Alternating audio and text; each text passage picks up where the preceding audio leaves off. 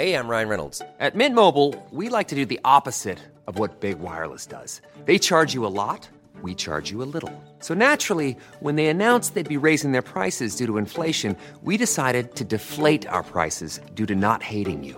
That's right. We're cutting the price of Mint Unlimited from $30 a month to just $15 a month. Give it a try at mintmobile.com slash switch. $45 upfront for three months plus taxes and fees. Promote for new customers for limited time. Unlimited more than 40 gigabytes per month. Slows. Full terms at mintmobile.com. Detta program sponsras av Granngården.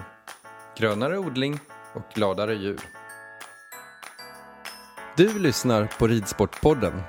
En ny podcast från tidningen Ridsport. I den här podden träffar vi ryttarna som du vill lära känna på djupet. Värd för programmet är hästsportsjournalisten Andrea Berlin. Våren är här på riktigt och i detta sjunde avsnitt av podden ska vi ladda med extra mycket positiv energi. Idag träffar jag den mentala coachen Andy Svärd som hjälper ryttare och andra idrottsmän att nå sina drömmar. Vi ska prata positivt tänkande och höra varför det är så viktigt att du ägnar tid åt det. Andy ska också få berätta hur han samarbetar med några av sina ryttare. Det här blir spännande. Välkommen hit till podden Andy. Hej Andrea, tack så mycket. Du är ju en person som har varit väldigt betydelsefull för många ryttare i absoluta toppeliten. Hur känns det egentligen att vara eh, en del av deras framgångar? Det är ju eh, naturligtvis eh, fantastiskt kul att få vara en del av den resan. Och den där resan är ju unik för varje ryttare naturligtvis. Mm. Och ingen resa är den andra sig lik. Så att ju, man får ju uppleva mycket. Och det är spännande och det är upp och det är ner. Och, vi hjälps åt så gott vi kan. och, och vi jobbar efter ett system som, som passar varje ryttare så bra som möjligt. Så att det är ju superkul att få vara med på den resan helt enkelt. Men det är ju trots allt ryttarna som gör jobbet om man ska vara konkret. Mm. Hur kom du själv in på det här med mental träning? Um, jag har ju haft föräldrar som, som har varit väldigt, uh, ska vi säga, lösningsorienterade när jag var yngre. Då. Vi bodde mycket utomlands och mina föräldrar var i musikbranschen. Och, och eh, det var ju det här med risktagande och, och, förändra saker och ting och sista minuten beslut och så. Så man fick ju vara ganska eh, rapp i tanken ibland. Va? Eh, och man fick förbereda sig ibland på att situationer kunde förändra sig. Och så så att, eh, jag fick väl med mig det ganska tidigt och sen när jag själv eh, idrottade Eh, på elitnivå med eh, amerikansk fotboll en gång i tiden. Eh, så blev det ju ännu tydligare att, eh, att tanken har ju en enorm kraft och, och eh, att man ibland rent fysiskt faktiskt påverkas av hur man tänker. Och det var ju inte minst tydligt då när man spelade amerikansk fotboll på den tiden att det gjorde både ont och det gick fort och man hann inte tänka så mycket ibland utan man fick vara rätt så förberedd. Och och eh, då hade det ju en stor betydelse för hur man förberedde sig och, och kunskapen om hur kroppen och, och eh, hjärnan funkar. Så det, det, var väl så egentligen jag kom in från början så att säga. Mm, Okej. Okay. Hur är du själv som person? Är du alltid positiv och glad? Uh, ja, det där är ju en kuggfråga. uh, nej, men jag vill nog säga att jag uh, har ju naturligtvis förändrat mig mm. de sista 10-15 åren.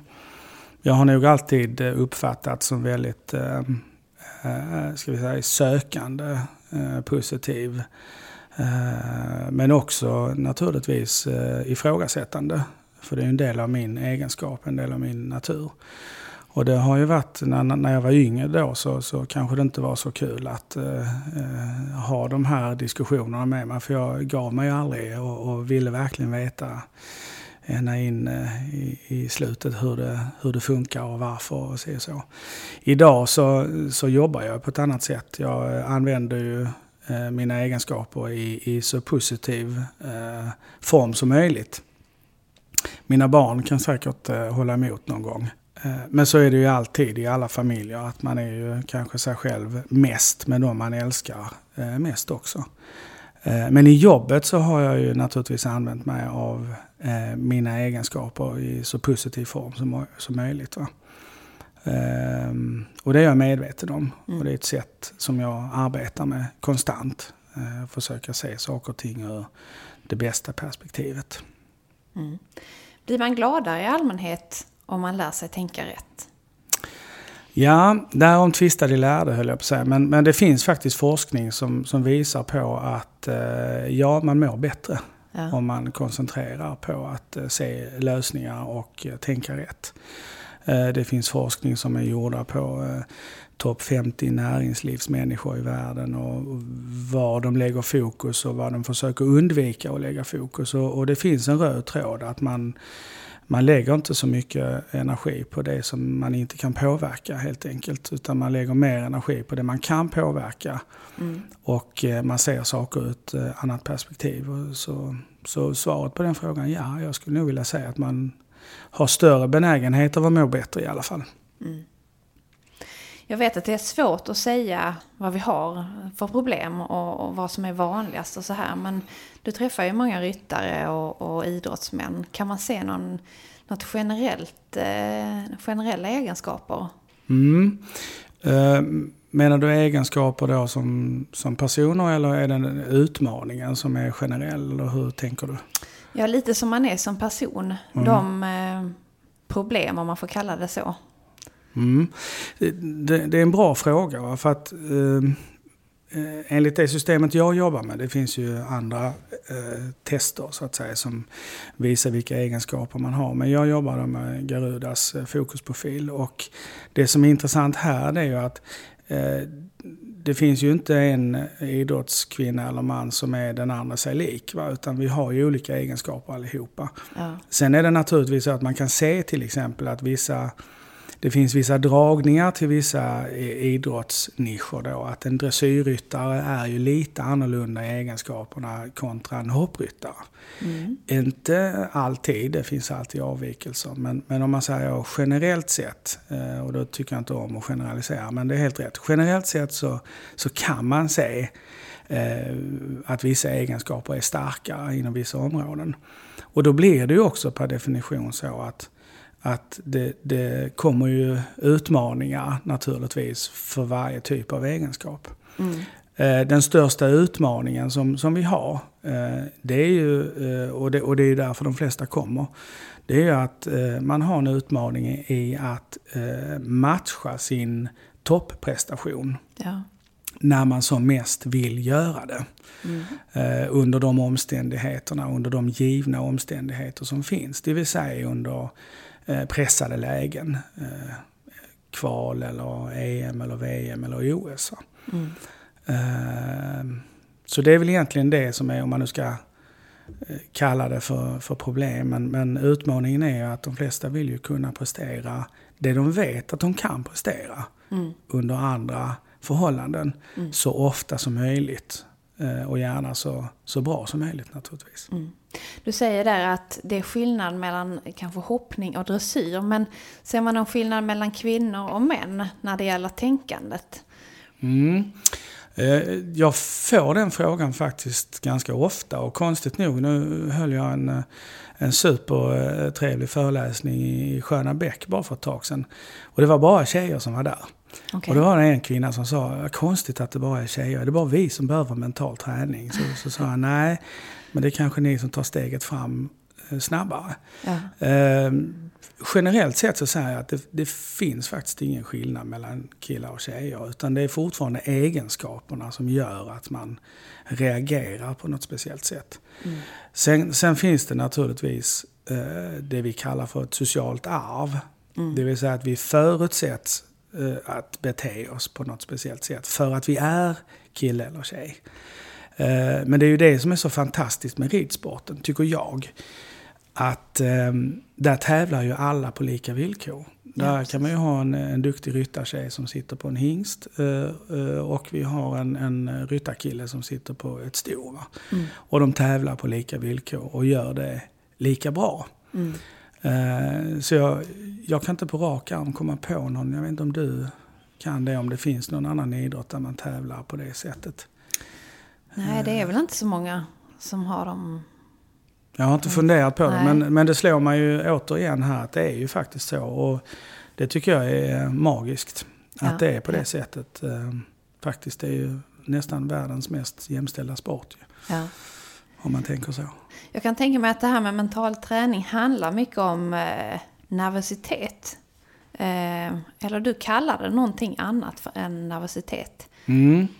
Jag kallar det för DFT, det förändrade tillståndet. För jag, eh, en del av det vi jobbar med då när man eh, arbetar med de här fantastiska killarna och tjejerna som kommer, det är ju, det är ju hur vi pratar eh, till varandra och framförallt hur vi pratar med oss själva.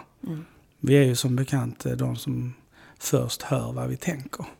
Så ibland är vi kanske inte så snälla mot oss själva. Men, men eh, vad jag menar då det är ju att, att i grund och botten så handlar det ju om att eh, avdramatisera, kan man säga så. Eh, egentligen så mycket som möjligt. Och, och där ingår ju också vissa ord som jag tycker att man kan ju faktiskt hoppa över i så fall och kanske kalla det för något annat. Så jag, jag är ju rätt glad för att mynta nya uttryck. Eh, om jag säger avundsjuk till exempel. Vad Ja. får du för känsla då? Ja, det är väl nästan bara negativt. Mm. Och det kanske det är också, avundsjuk. Att man blir liksom nästan lite sjuk av avund och man vill ta det ifrån dig som du har och så. Och jag tycker jag avundglad låter bättre. Eh, att, att, eh, ja, du skrattar till och med nu. Eh, Jag är glad för att du har det, men jag vill också ha det. Så hur kan jag också få det? Så att du får gärna behålla det, men jag vill skapa en egen situation som är lika positiv som du har. Eh, Och nervositet är ju ett laddat ord. Ja. Eh, och då tänkte jag så här att nej, men, när jag då coachade eh, hockeykillar en gång i tiden, började med det, så, så ställde jag ju frågan och sa, ja, men när du är nervös då så, nej men det var de ju inte, de var inte nervösa. Utan, Jaha, men när du är rädd, nej det var de ju inte heller. Utan det var svårt att liksom ta på exakt vad det var som hände. Då tänkte jag, ja men strunt samma, då får vi väl mynta ett ord. Så vi kallar för DFT, det förändrade tillståndet. Och det är det som händer egentligen, det är att när, vi drabbas av det tillståndet så förändrar vi oss. Ja. Och det är ju det som är utmaningen. Att eh, komma in eh, i OS-stadion London, 23 000 pers på läktaren och fortfarande prestera som om det vore en helt vanlig träning. Det är inte så enkelt. Så när vi då eh, vänder på det här och försöker hitta ett tillstånd som är så nära det normala tillståndet som möjligt. Då glider vi ifrån DFT'n. Eh, och då börjar vi liksom gå åt rätt håll. Ja. Då, då ser vi ljuset Ja. någonstans. Va? Så det är spännande.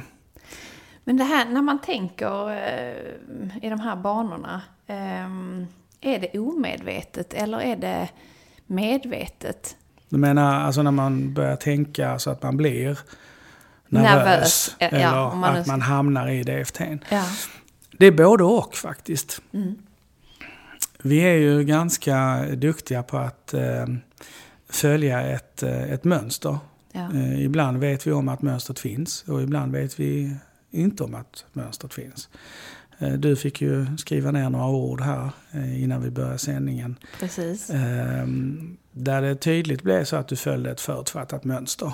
Ja. Eh, och, och glömde bort att där fanns ytterligare ett ord i det här ordspråket som du inte uppfattade så. Så att beroende på i vilket tillstånd vi är så, så kommer vi ju att antingen dras med i vane, ett vanetänkande eller ett vanemönster. Att vi gör saker och ting på ett speciellt sätt, mekaniskt eller kroppsligt.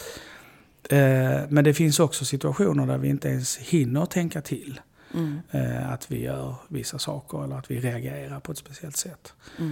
Och det där jobbar vi ju eh, ganska hårt med när man eh, börjar jobba med det här med mig. Att, att vi, vi, eh, vi så att säga synliggör de här reaktionerna på ett ganska, ibland lite brutalt sätt. Där, när man blir förvånad över att oj, shit, tänkte jag så här, det var konstigt. Nej, det är inte alls konstigt. Eh, det som är utmaningen är att förändra det tankesättet. Ja. och att förändra sitt sätt att reagera. Men det, det, det gör vi. Och det kan vi. Men det är mm. klart att det kräver träning. Mm. Eh, precis som all annan träning. Mm. Brukar det vara svåra problem tycker du? Som ryttare har generellt? Nej, det tycker jag inte. Jag tycker att eh, den största utmaningen vi har det är ju just det här att man känner att, eh, eh att man inte räcker till ibland eh, i vissa svåra eh, situationer som man själv uppfattar det. Men att man ändå vet att man borde ha klarat av det. Eller mm. det brukar ju gå bra. Och ibland så får jag ju samtal av föräldrar då till, till ponnyryttare eller till, från, föräldrar, eh, eller från ryttarna själva. Som då säger att det är alltid den lilla sista biten där som fattas. Och då brukar jag skämta med lite allvar och säga nej det är faktiskt den stora första. Det vill säga hur man har förberett sig. Att man är medveten om att när det väl börjar hetta till så kommer jag sänka min prestation därför att jag blir kall om händer, fötter och, och huvud kan man mm. säga. Att hjärnans kapacitet sänker sig lite grann och att känsligheten försvinner och andningen försvinner. Och så. Och då är det ju nästan omöjligt att prestera lika bra som du är van vid att göra när du är helt avslappnad. Mm. Um, och då blir ju det en motsägelse. Va? Att man ska ju kunna vara avslappnad i Falsterbo eller Göteborg eller Friends Arena eller OS eller VM-kval. Mm. Men det går att träna sig till det. det Men man behöver mm. ju um, veta hur man ska göra också. Klart. Det är det som är spännande. Du visade mig här tidigare lite um, test, eh, temperaturtest mm. när det gäller din hand. Mm. Och det tyckte jag var jätteintressant. Att det, kan du inte berätta lite hur du gjorde där och vad som hände med kroppen? Um, ja, vi sitter här vid ett bord, du och jag. Och du satt väl emot mig där också, va? mitt mm. emot mig. Mm. Och jag höll ju i stort sett bara en enkel temperaturmätare i min eh, vänstra hand kan man säga, mellan tre fingrar.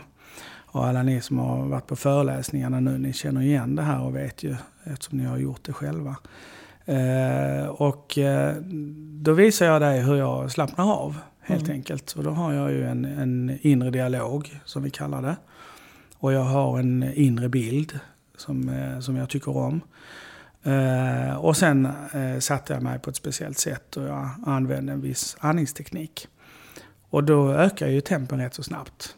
Och nu ja. kommer jag inte ihåg exakt, men det var väl uppåt en 34 någonting sånt va? Mm, 33,5. Ja, eh, och sen berättade jag en historia om att jag hade fått uppleva en, en, lite mindre kul sak. Mm. Som jag verkligen försökte berätta för dig. Att se det i bilder och, och eh, det har ju berört mig att få se den här filmsnutten då.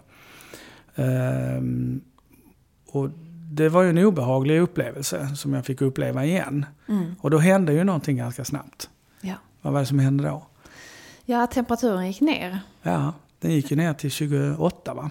Ja, nästan 5 grader. Så det är 5 grader på mindre mm. än 60 sekunder. Mm. Um, och sen så sa jag till dig att nu vill jag ta bort den här tanken och nu vill jag komma tillbaks igen till min uh, My Happy Place.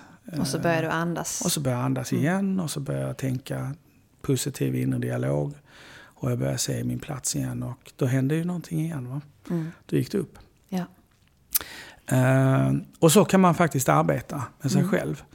Uh, och då är det många som säger, men jag kan inte gå omkring på en framridning och göra så här. Jo, det kan man faktiskt göra. Det kan man? Ja, det är klart man kan göra det.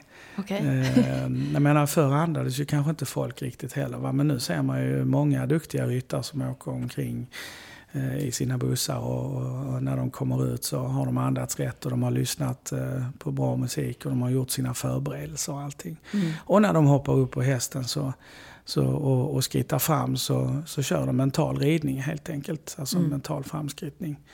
Och, och det funkar, funkar hur bra som helst. Ja.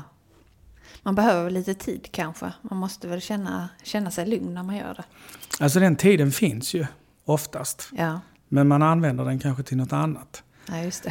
eh, när man ändå skrittar fram så kan man göra det på två sätt. Man kan göra som man alltid har gjort. Mm -hmm att eh, skritta med telefonen i handen eller skritta och prata med någon annan. Och liksom prata om saker som kanske är en utmaning och sådär. Eller så kan man ju faktiskt skritta fram med sin häst och eh, ha ett litet system som gör att hästen börjar lyssna på dig redan i skritten. Ja. Och det är det vi kallar lite grann eh, för mental ridning. Och det ska du ju ändå göra.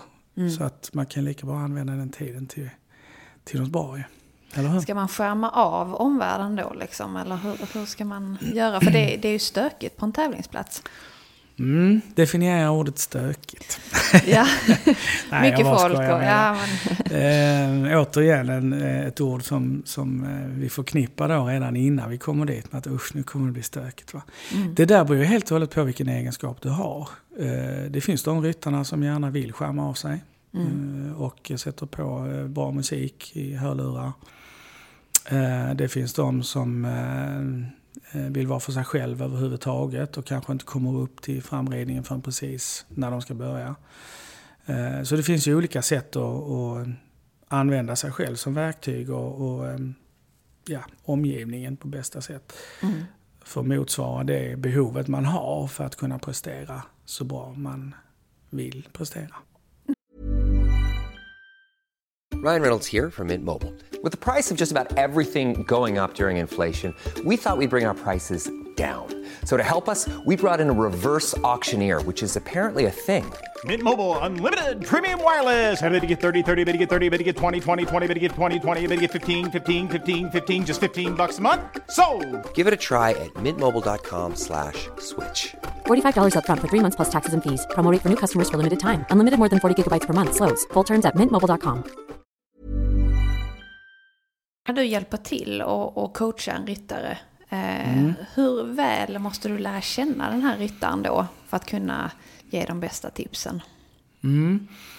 Ehm, det är också en bra fråga. Ja. Naturligtvis, ju, ju mer jag eh, lär känna ryttaren desto bättre blir det ju. Alltså det handlar ju om tillit, det handlar om ett förtroende, det handlar om att eh, eh, ibland kanske dialogen börjar i en ände men, men slutar faktiskt eh, på en helt annan plats som man inte trodde den skulle sluta på. Man kanske kommer hit för att man tror att man har en viss typ av utmaning men det är någonting annat som ligger bakom. Eh, Så oavsett vad så skulle jag ju vilja säga att vi lär ju känna varandra rätt så bra. Eh, Jag är ganska öppen med hur jag är. Därför att jag vill att mina klienter ska veta vad de får också.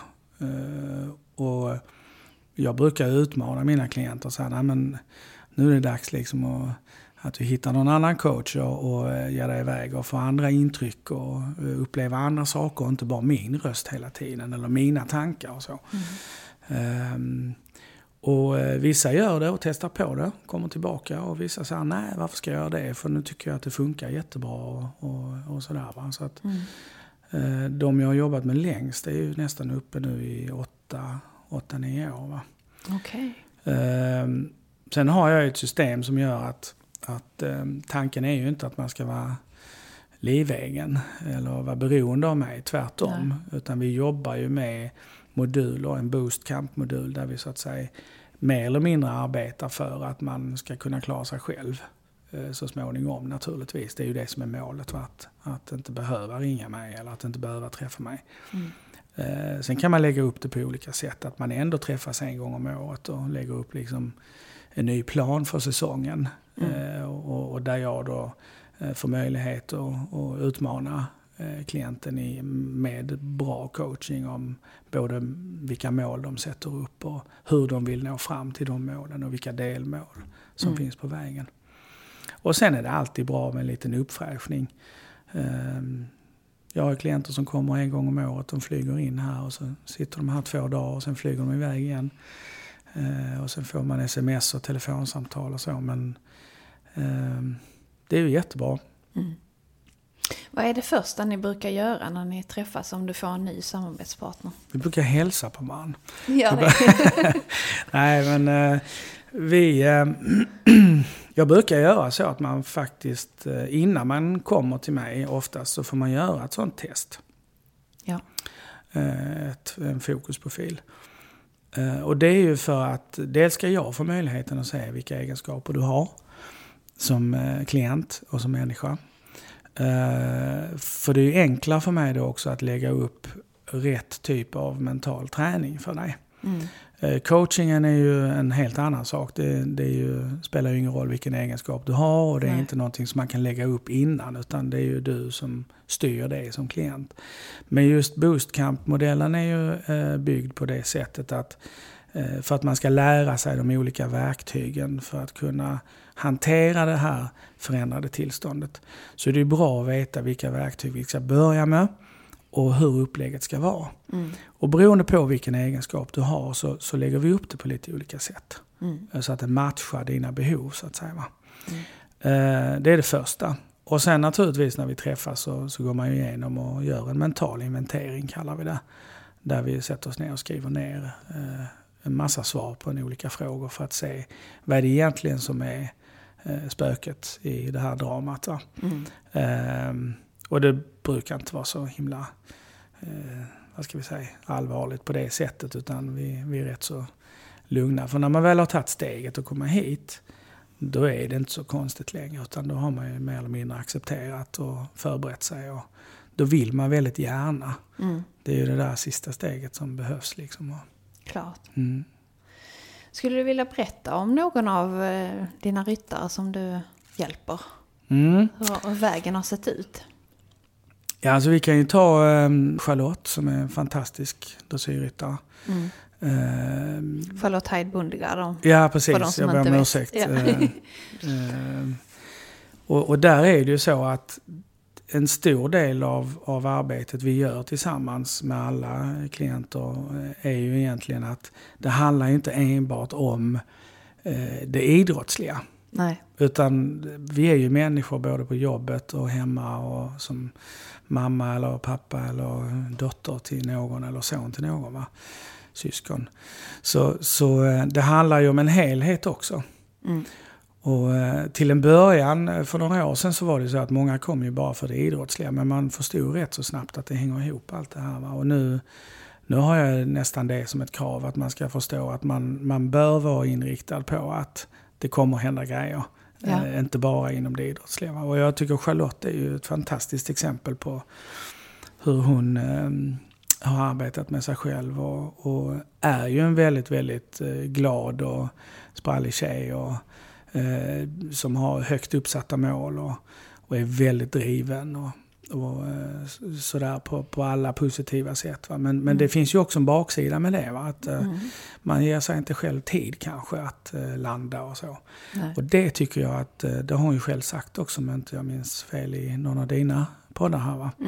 Det är att hon har ju landat i det här också med familjen och, och, och barnen och mannen och, och Rasmus är ju eh, magisk eh, på att supporta henne. Ja. Eh, och jag menar samma sak här med, med Kittel till exempel. Ja. Som är en superkille på alla sätt och vis. Han har ju sina egenskaper eh, som ser lite annorlunda ut då naturligtvis. Och han, han eh, är ju så fantastisk på att dela med sig så otroligt mycket av sig själv. Ja. Ehm, och det är ju också positivt. Ehm, och då är ju jag lite så att jag brukar säga till honom, "Men, ja, kanske inte just två timmar innan du ska in på banan och lägga intervjuer eller prova ut sadlar eller träffa sponsorer och så. För alla vill ju att han ska lyckas naturligtvis. Klart. Och då, eh, då är det kanske mindre bra om, om eh, vi är delaktiga i att faktiskt ta energi från hans prestation. Ja. Linda är ju också en eh, fantastisk eh, tjej som, som är hoppryttare då ju. Linda Hed. Mm. Eh, otrolig på att utveckla sig själv. Hitta de här sidorna som hon kanske inte hade tid att landa i lite grann innan. Eh, har ju varit eh, magiskt jämn i sin prestation förra året. I stort sett tagit placeringar eh, varje tävling. Utan att vi egentligen faktiskt har satt det som mål. Ja. Utan målet har ju varit att vara i varje prestation så mycket som möjligt. Att vara i nuet helt enkelt. Att vara över varje språng när man eh, ska vara över språnget och inte tänka före eller efter. Att undvika de tankarna utan vara i nuet. Va? När ni då träffas, Mm. eh, hur funkar det när ni jobbar? Sitter ni så här vid ett bord och pratar eller blir det även att du kommer ut och, och är med när de rider och tränar? Eller Mm. hur gör ni? Svar ja och ja. Ja och ja. Och ja. Ehm, ja, det är helt rätt. Vi, jag försöker ju få hit ryttarna eh, till mitt eh, kontor här i Malmö. Eh, dels för att jag vill att man ska komma ifrån sin vardag. Eh, man, ska undvika att ha liksom den här pressen med att hästarna måste fodras eller fixas. Eller, för det är alltid så att telefonen ringer och, man måste bara och skulle bara och skulle behövt och så. Men sitter man här då så, så kommer man ju inte härifrån helt enkelt. Och då har vi eh, en, en, en schysst dag med frukost och lunch och middag på kvällen eventuellt. Och sen brukar jag eh, kvartera in dem här i, i grannskapets eh, hotell som ligger precis runt hörnan. För det är rätt jobbigt att sitta en hel dag och vända ut och in på sig själv. Mm. Eh, och sen är det också precis som du sa att jag kommer ju också ut eh, och, och jobba med dem rent praktiskt så att säga. Och inte bara på tävlingar utan även hemma på gården. Där vi tittar När på de hästarna. rider också. Ja, oh ja. Ja. Och jag vill ju poängtera då att jag är ju absolut inte någon, någon tränare på något sätt när det gäller Nej. den tekniska och mekaniska biten. Det finns massor med duktiga tränare som, som sköter den biten. Och tvärtom så brukar det bli så nu att tränarna och jag eh, passar på att träffas då. Mm. Så att vi synkar ihop oss och att de får då lyssna lite grann på vad jag och, och Ja, klienten... för omgivningen måste väl också vara med i ett, ett nytt tänk. Mm. Både familjen och tränarna och ja, alla som är runt omkring. Helt Ja, men det tycker jag är jätteviktigt. Och, och ju yngre klienten är, desto viktigare är det faktiskt. Mm. Ehm, och jag brukar säga det också när jag håller föreläsningar att eh, är man förälder som följer med sina barn på tävlingar oavsett ålder, och då menar jag verkligen oavsett är man 25 och åker med för att det är kul, då bör man också liksom prata samma språk. Ja. Eh, för annars finns det ju risk att det haltar. Mm. Ehm, Så jag träffar ju jättegärna tränarna till de här klienterna som är duktiga och, och ehm, förklara eh, ingående hur vi tänker och nyckelord och, och saker och ting som kanske eh, blir den där sista lilla pusselbiten som gör att de tar nästa steg. Va? Mm. Ehm, så det var ju lite annorlunda för, för 7, 8, 9 år sedan. Va? Men idag tycker inte jag att det, det är så stor del längre utan eh, nu är det me- mest naturligt. Va? Mm. Och sen eh, naturligtvis de ryttarna som är ute och far på touren eller Global Champions Tour eller vad, vad det nu är någonstans i Sverige. De har ju oftast också familjen med sig på något sätt eller kanske någon förälder som ställer upp och är vapendragare. Mm. Eh, och de får jättegärna vara med också för att det handlar ju trots allt om ett teamwork. Mm. Eh, vi har ju groomsen, eh, hästskötarna, eh, samma sak där. Gärna eh, ha en dialog med dem och plocka med dem i, i eh, samtalen va? Så, att, så att vi förstår varandra. Och minimera faktiskt, för det handlar ju om att minimera de här DFT-situationerna Ja. så att de uppkommer så sällan som möjligt. Ja. Är det mycket man måste strukturera om så att man, för att kunna utvecklas? Eh, alltså det är också en sån där eh, lite lurig fråga. Mm. Det beror ju helt och hållet på. Eh, det finns ju de som jobbar jättebra med sig själva och bara behöver den sista lilla delen Mm. för att liksom det ska eh, kroka i eller haka i. Va? Sen finns det ju de naturligtvis som, som kanske ehm, har haft en tuff start eh, och kanske mm, hamnat fel i både med hästar och, och i livet och allt det där. Eh, och jag tvingar ju aldrig på någon, någon förändring utan den Nej. måste ju komma inifrån. Men att jag kan vara med och synliggöra eh, vissa saker och jag kan vara med att eh, medvetenhetsgöra, eller vad ska man kalla det, öka medvetandet så att säga i, i den situationen man är i. Eh, sen finns det de som gör otroligt stora förändringar, ja. Och sen finns det de som så att säga förändrar lite grann. Men det som är gemensamt för alla det är ju att alla upplever att man förändras en hel del. Och, och ofta är det så att eh, det man egentligen gör det är att man eh, använder alla sina fyra egenskaper vid rätt tillfälle. Istället för att kanske bara vara en av sina fyra egenskaper. Den egenskapen som man helst vill vara oftast. Ja. Och som naturligtvis då inte passar in alltid i 75% av fallen. Så ibland får jag höra liksom att människor har förändrats väldigt mycket och så säger jag nej det har de inte utan de har bara blivit mer hela. tror de använder 75 procent mer än vad de normalt sett har gjort. Mm. Men hur lång tid detta tar, det är väldigt individuellt? Eller? Absolut. Ja.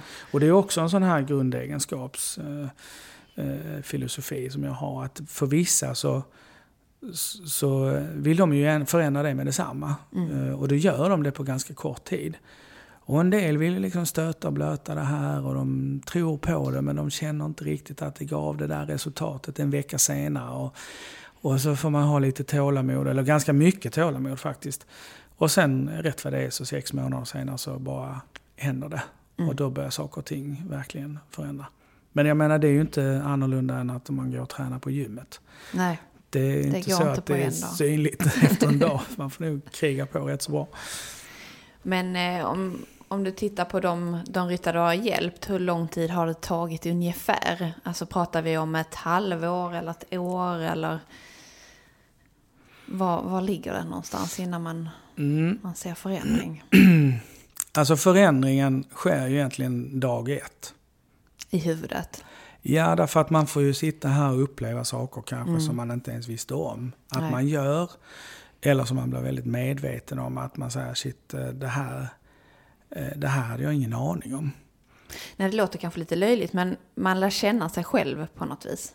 Ja, absolut. Mm. Eh, definitivt. Och man, man får lära känna alla sina sidor. Mm. Även de som man kanske inte vill tycker så har. bra om, va? eller vill erkänna. Va? Ja. Eh, du fick ju lära känna en sida idag, att eh, när du blev lite i DFT så eh, blev du hastig i din läsning till exempel. Ja. Så att du läser lite snabbare då och hoppar över vissa saker. Och det tar ju du med dig från idag kanske, att Precis. när du får den känslan så ska jag vara lite mer noggrann i att läsa igenom en gång till. Mm. Det är ju en förändring. Ja. Så ibland är det ju så att en stora förändringen, den kommer ju inte bara sådär helt plötsligt. Va? Utan det är ju många små eh, steg eh, tagna med tål, tålamod och gott sinne och, och eh, med medvetenhet eh, mm. naturligtvis. Så det är ett hårt jobb. Ja, det är det. De är fantastiskt duktiga.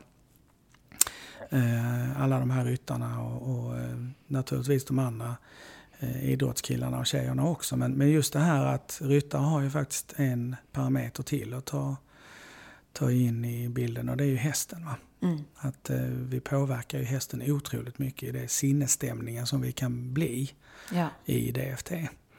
Och där tycker jag nog att många upplever att eh, hästen förändras ju också. Mm. Eh, och det är inte så konstigt. Nej. För hästen blir tryggare när du är tryggare. Skulle du vilja ge några små tips till de som tävlar och eh, behöver ha lite bättre mentalt tänk? Mm. Uh, nu finns det ju inga sådana här fantastiska genvägar. Uh, men det finns ju ganska enkla medel som man kan börja med. Och det jag brukar rekommendera uh, mest av allt är att tänka på hur man andas faktiskt. Mm. För andningen har ju en väldigt central betydelse för hur kroppen fortsätter att reagera i en pressad situation. Det vill säga antingen så slår den på DFT ordentligt om man slutar andas. Eller så kan man eh, hjälpa till att kontrollera DFT eller förminska den eller kanske till och med förebygga den mm. genom att andas rätt. Eh, så djupa andetag brukar jag ju säga att man ska ta ett par, tre stycken när man känner att det börjar bli lite fjärilar i magen. Mm. Eh, det är en bra start. Jag behöver inte gå in närmare på exakt vad det, vad det innebär och vilka konsekvenser det medför. Men, men att bara göra det är superbra. Mm. Ehm, och sen är det ju mycket av det här som vi eh, hamnar i det är ju för att vi är oroliga för vad som ska hända och ja. vad som ska ske. Mm. Eh, det vill säga rädslan för det okända är ju någonting som, som, eh, som triggar igång den här DFT-känslan. Då. Mm. Så att förbereda sig så bra som möjligt är ju faktiskt eh, essentiellt. Va? Mm. Och när man jobbar då tillsammans med de här magiska ryttarna så har ju vi eh, vissa verktyg som vi jobbar med. Att vi gör allting Game Agenda. Det vill säga att vi ifrågasätter oss själva varför vi är där, hur vi vill uppfattas. Eh, vad vi ska tänka på, hur ska vi rida, hur ska vi hantera vissa situationer som kan uppkomma och då är det pre-actions vi pratar om. Och framförallt att när man stänger ner en, en tävling att man gör en KA3, det vill säga att man kontrollerar hur det funkade och så förbättrar man det som man vill bli bättre på. Eller så befäster man det som man var jättenöjd med. Mm. Och när man börjar jobba på det här sättet, eh, och det bör man ju inte använda mina verktyg, men att, att förbereda sig rätt och att se till att man är förberedd på eventuella saker som kan dyka upp så man inte blir överraskad. Och sen se till att stänga ner den här tävlingen på ett bra sätt så att inte den följer med till nästa gång man ska tävla. Eh, för då blir det så att usch ja, sista gången vi var här eller förra gången vi var här så hände det och det. Ja men det är ju mm. förra gången. Jag brukar säga att prestation är ju faktiskt en färskvara. Ja. Det finns ju ingen anledning att ta med gamla räkskal i en påse. Utan släng dem och så gör vi om och gör rätt. Ja. Så förberedelser, eh, noga och eh, andas. Det är väl egentligen de enklaste tipsen jag kan ge just ja. nu. Ja, mm. vad spännande. Alltså detta har ju varit jättelärorikt för mig också. Jätteintressant att lyssna på. Jag tackar så jättemycket Andy för att eh, jag fick komma hit och höra alla de här intressanta grejerna. Tack för att du ville komma hit. Jag är eh, otroligt tacksam för att, eh, för att jag får chansen att, att prata om det här lite grann. Ja. Det finns ju säkert eh, en hel del ryttare som har undrat lite hur, hur ska jag gå vidare med det här och så. Men ut i biblioteken eller ut eh, på nätet och googla och, och köp böcker och läs och få insikter i sig själv så är det första steget taget så är det fantastiskt. Tack så mycket Andy. Tack själv. Vi vill jättegärna veta vem du vill att vi ska träffa nästa gång och vad vi ska prata om. Maila till oss på podden snabela tidningenridsport.se Programmet producerades av Lavaletto. Detta program sponsras av Granngården, grönare odling och gladare djur.